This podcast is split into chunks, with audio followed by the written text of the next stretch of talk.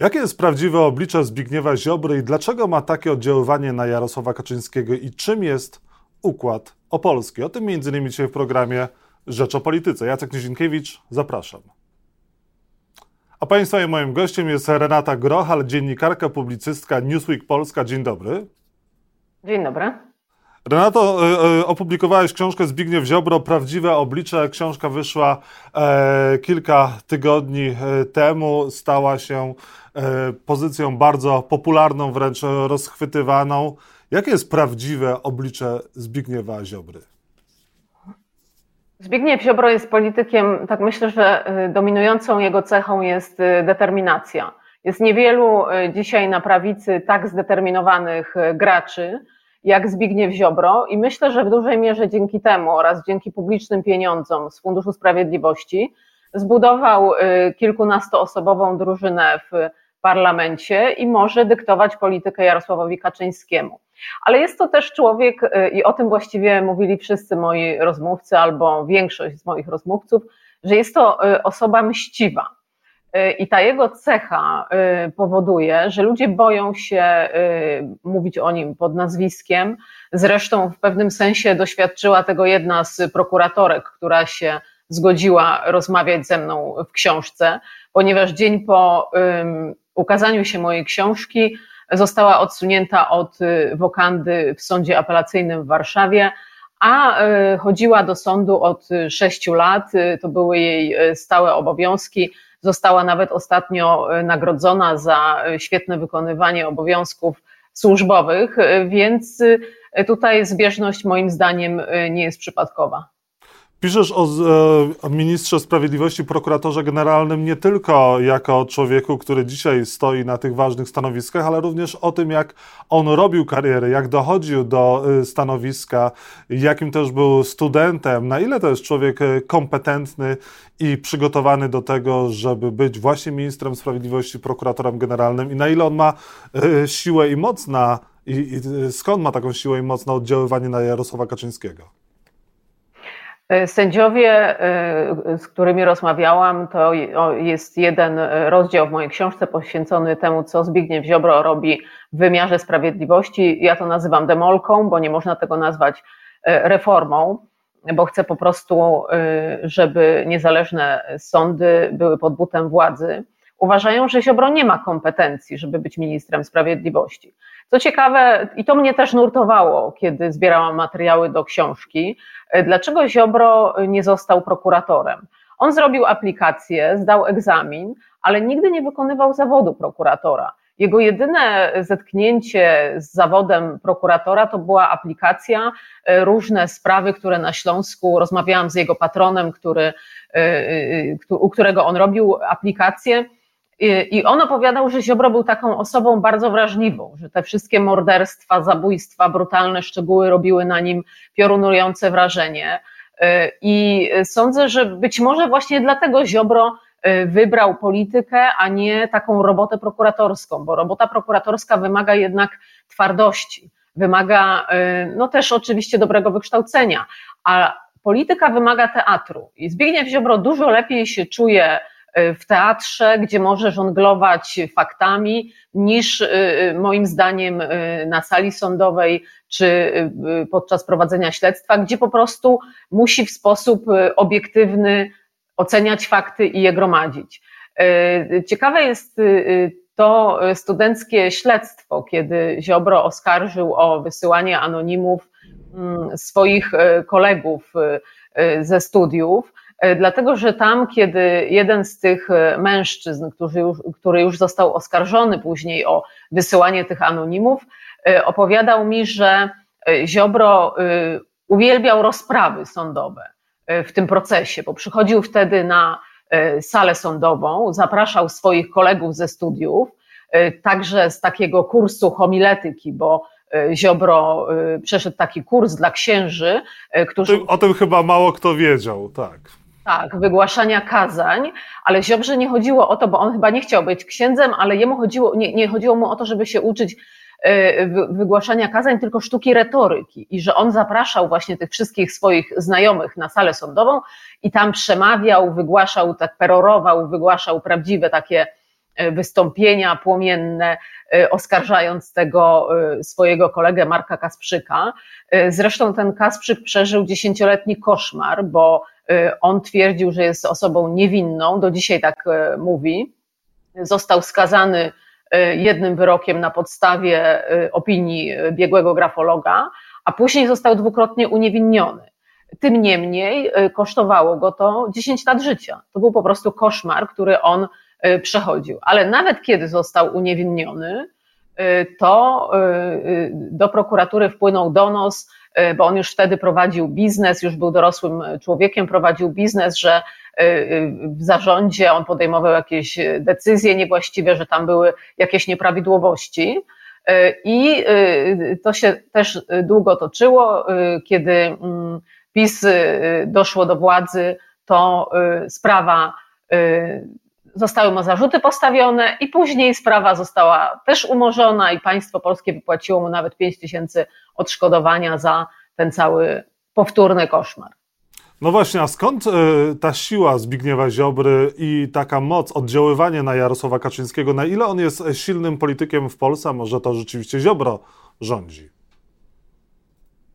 Ja uważam, że jedyną osobą e, winną tego, e, co dzisiaj e, się dzieje w polskiej polityce, tej awantury z Unią Europejską, tego, że Polska traci miliardy złotych, jest Jarosław Kaczyński. Bo gdyby Jarosław Kaczyński zgodził się wrócić, zgodził się na to, żeby Zbigniew Ziobro wrócił do PiSu, to nie byłoby dzisiejszego Ziobry, nie byłoby tej osoby, która zaostrza konflikt z Unią Europejską, y, nie chce realizować wyroków Trybunału Sprawiedliwości i innych wyroków Trybunałów Europejskich, gnębi sędziów, co powoduje, że ciągle mamy zawieszone pieniądze z KPO, bo sędziowie y, nie są przywracani do pracy mimo prawomocnych wyroków.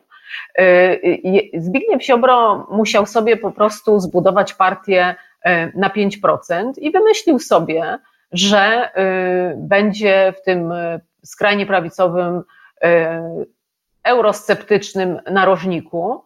E, a gdyby Jarosław Kaczyński go przyjął do PiSu, to czekałby spokojnie, aż prezes osłabnie, przejdzie na emeryturę i wtedy włączyłby się e, do walki o przywództwo na prawicy, bo to jest cel Ziobry. On chce być liderem prawicy. On nie chce już tak jak kiedyś za pierwszego PiSu, marzył wtedy o prezydenturze. On dzisiaj zamarzył o tym, żeby y, być liderem całej prawicy y, i y, to realizuje to w sposób bardzo konsekwentny. A na ile ma szansę zrealizować e, to marzenie? Często powołuje się na Lecha Kaczyńskiego, na tą spuściznę e, taką e, prawicową. Na ile to jest rzeczywiście szczere i też na ile go Lech Kaczyński cenił? No właśnie to jest zabawne, że Zbigniew Ziobro powołuje się na Lecha Kaczyńskiego, bo Lech Kaczyński y, nie darzył go specjalną estymą. Nie chcę powiedzieć, że go nie poważał, ale w pewnym sensie y, można użyć tego określenia, dlatego że ja w swojej książce przytaczam wypowiedź współpracownika Lecha Kaczyńskiego, który opowiadał, że Kaczyński uważał go za czterdziestolatka z mentalnością dwudziestolatka.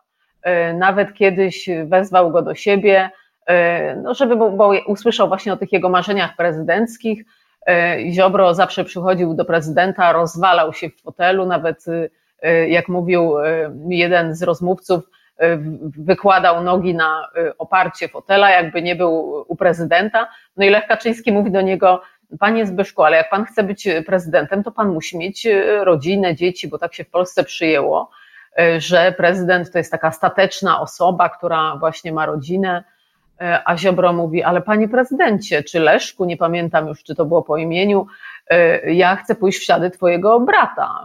Więc tutaj e, taka dezynwoltura u Ziobry w stosunkach z Lechem Kaczyńskim była duża.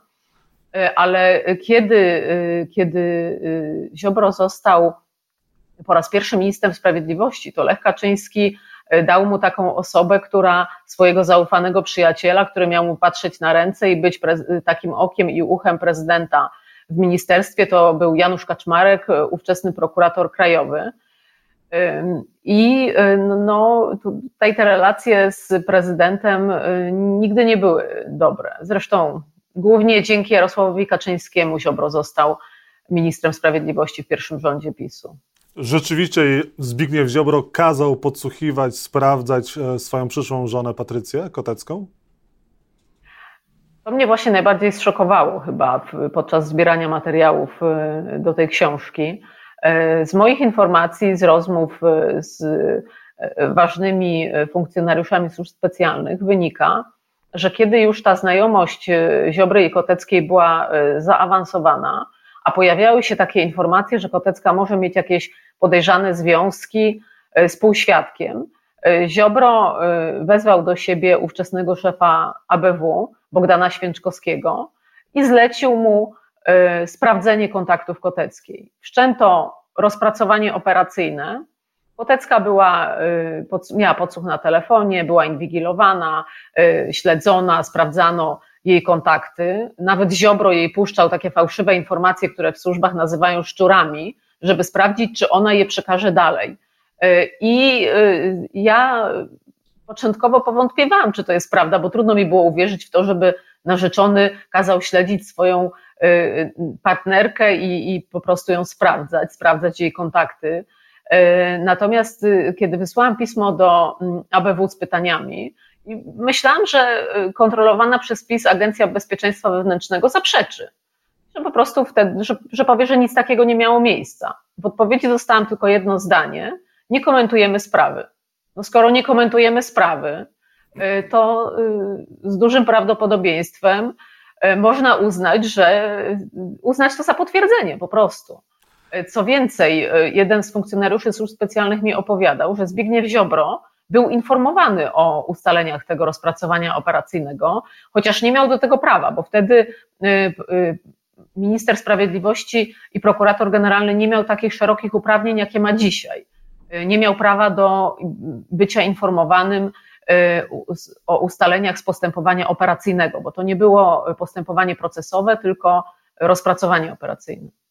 I tego typu historii w książce Ziobro Prawdziwe Oblicze jest e, znacznie więcej. Czyta się jak e, dobry kryminał, z tą różnicą, że to nie jest fikcja, tylko dotyczy naszego życia e, życia w, naszego, w naszym kraju, osób, które o nas e, decydują. E, zanim ta książka się ukazała, ja mogę Państwu i Tobie, Renato, zdradzić, że ludzie z otoczenia bliskiego Zbigniewa Ziobry e, mówili mi, że no, to jest stek bzdur, przedruków i próbowali ją dezawuować, mimo że ja wiedziałem, e, że ta książka jeszcze nie została nawet wydrukowana. Czy ktoś z otoczenia, czy też sam Zbigniew Ziobro e, próbował się z tą skontaktować, albo dostałaś jakiś pozew za tą książkę? E, nie dostałam żadnego pozwu. Kiedy zaczęłam zbierać materiały do książki, odezwała się do mnie Patrycja Kotecka, która gdzieś widocznie od moich rozmówców usłyszała, że piszę książkę.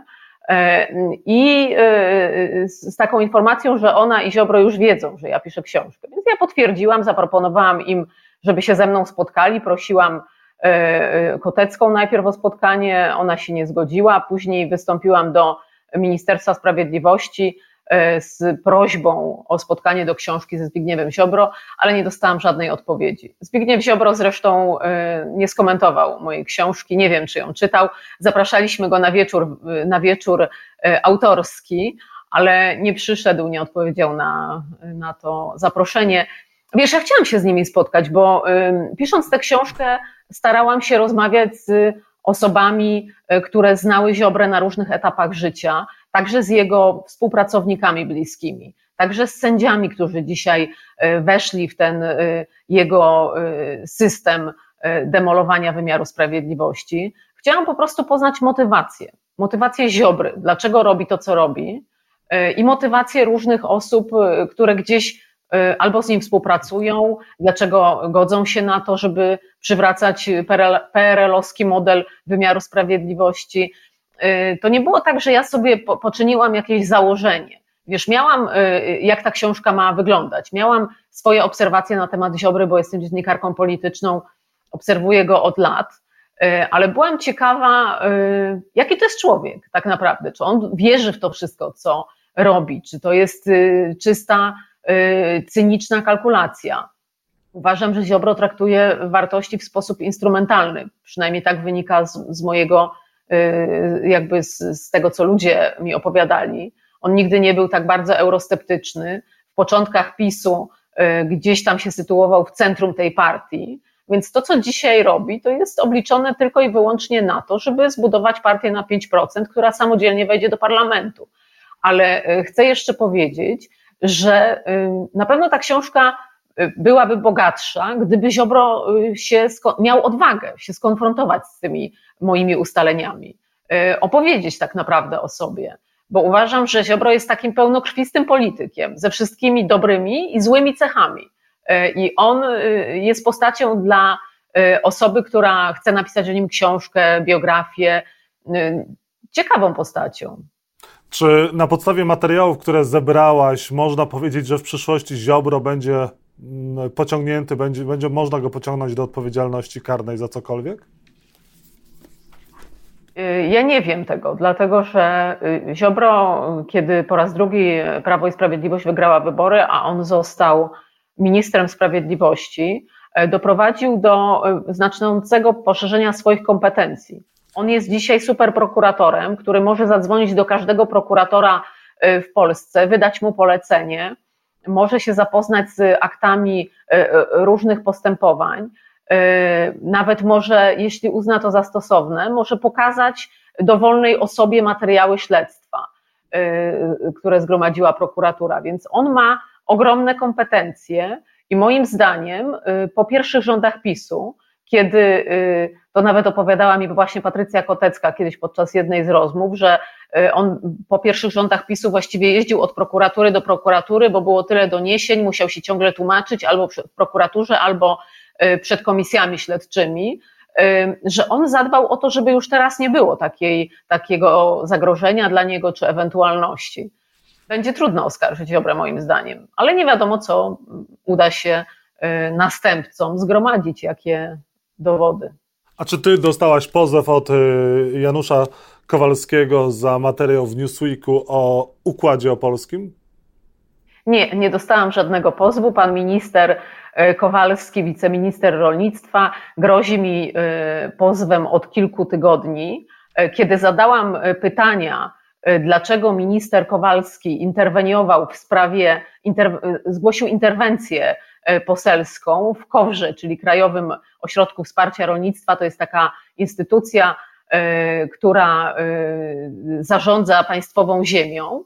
Mm, dlaczego złożył interwencję poselską w sprawie ziemi, której beneficjentem miał być jego asystent? Tam chodziło o poddzierżawę ziemi.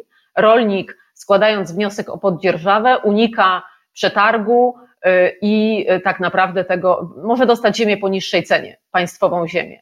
Minister interweniował w sprawie e, gruntów, które miały trafić do jego asystenta, i wtedy pan minister Kowalski wysłał do mnie pismo przedprocesowe. Już za samo to, że zadałam mu pytania, on żądał opublikowania przeprosin. Więc to mi się wydało kuriozalne, ponieważ jestem dziennikarką już wiele lat nie będę mówić jak długo, ale, ale ponad 20 i nigdy mi się to nie zdarzyło, żebym e, musiała przepraszać kogoś za same pytania. Więc... Prawda, to bardzo nietypowe, tak. Prawnicy wydawnictwa odpowiedzieli na to pismo, ale myślę, że nerwowa reakcja pana ministra była związana z tym, że źle się dzieje na Opolszczyźnie, bo ja opisuję układ opolski.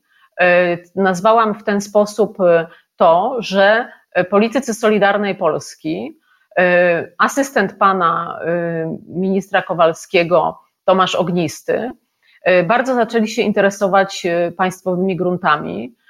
Ognisty na nagranych rozmowach, które ujawniliśmy w Newsweeku, powołuje się na wpływy w Warszawie, obiecuje rolnikom załatwienie ziemi po takim dużym kombinacie, który gospodaruje dzisiaj na 10 tysiącach hektarów ziemi, to jest spółka Top Farms. I mówi tym swoim znajomym, że trzeba znaleźć duży kapitał, żeby przejąć grunty po tym Top Farmsie. Część gruntów, bo oni będą zdawać ziemię z końcem 2023 roku. W oficjalnych wystąpieniach zarówno pan Ognisty, jak i wiceminister Kowalski, który twierdzi, że Ognisty jest jego prawą ręką, jeśli chodzi o rolnictwo, Mówią, że trzeba ziemię e, odebrać e, wielkim zagranicznym dzierżawcom i ziemia musi wrócić do polskiego rolnika, bo jest głód ziemi, ziemia musi wrócić w ręce polskiego rolnika. Tymczasem z tych nagrań wynika, że y, y, do polskiego rolnika ma wrócić 30%, a reszta, tak jak mówi jeden z uczestników rozmowy, boczkiem.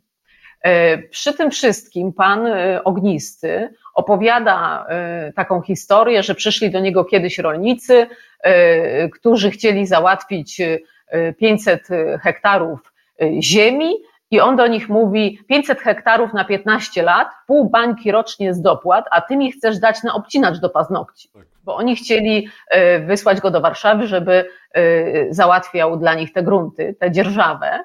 E, I to jest wyraźna sugestia, że pan ognisty niczego za obcinacz do paznokci załatwiać nie będzie. Więc tutaj wielu moich rozmówców odebrało to jako propozycję korupcyjną, prawie wprost złożoną, ale, ale chyba sam Janusz Kowalski, bo on początkowo bronił tego swojego asystenta, doszedł do wniosku, że sprawa jest poważna, dlatego że zwolnił asystenta społecznego i wystąpił do CBA i ABW o objęcie kontrolą parcelacji tej ziemi po, po Top Farmsie. To jest bardzo ciekawy obrót sprawy, bo zupełnie inna narracja była początkowo Janusza Kowalskiego, który ciebie atakował, e, wszystko mówił, e, bronił swojego asystenta społecznego, mówił, że to są e, manipulacje i kłamstwa, uwaga, niemieckich mediów, a teraz okazuje się, że zwolnił swojego człowieka.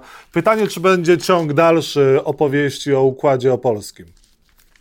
Tak, w poniedziałek będzie kolejny element tej układanki. Opisuję w Newsweeku historię pokazującą, że e, pan Ognisty e, zabiegał już wcześniej o ziemię, e, słał różne dokumenty, więc zachęcam do, do czytania poniedziałkowego Newsweeka, ale myślę, że będą też kolejne odcinki, bo zgłaszają się do mnie różne osoby, które opowiadają o tym, co się dzieje na Opolszczyźnie i ten obrazek e, nie jest pozytywny i nie nastraja pozytywnie. Renata Grochal, dziennikarka i publicystka Newsweeka była Państwa i moim gościem. Dziennikarka, która jest straszona przez polityków obozu władzy pozwami, a mimo wszystko pisze o tym, czego się dowiaduje. Tak chyba powinna wyglądać praca dziennikarza. Dziękuję za publikację, za rozmowę. Dobrego weekendu, wszystkiego dobrego. Do widzenia.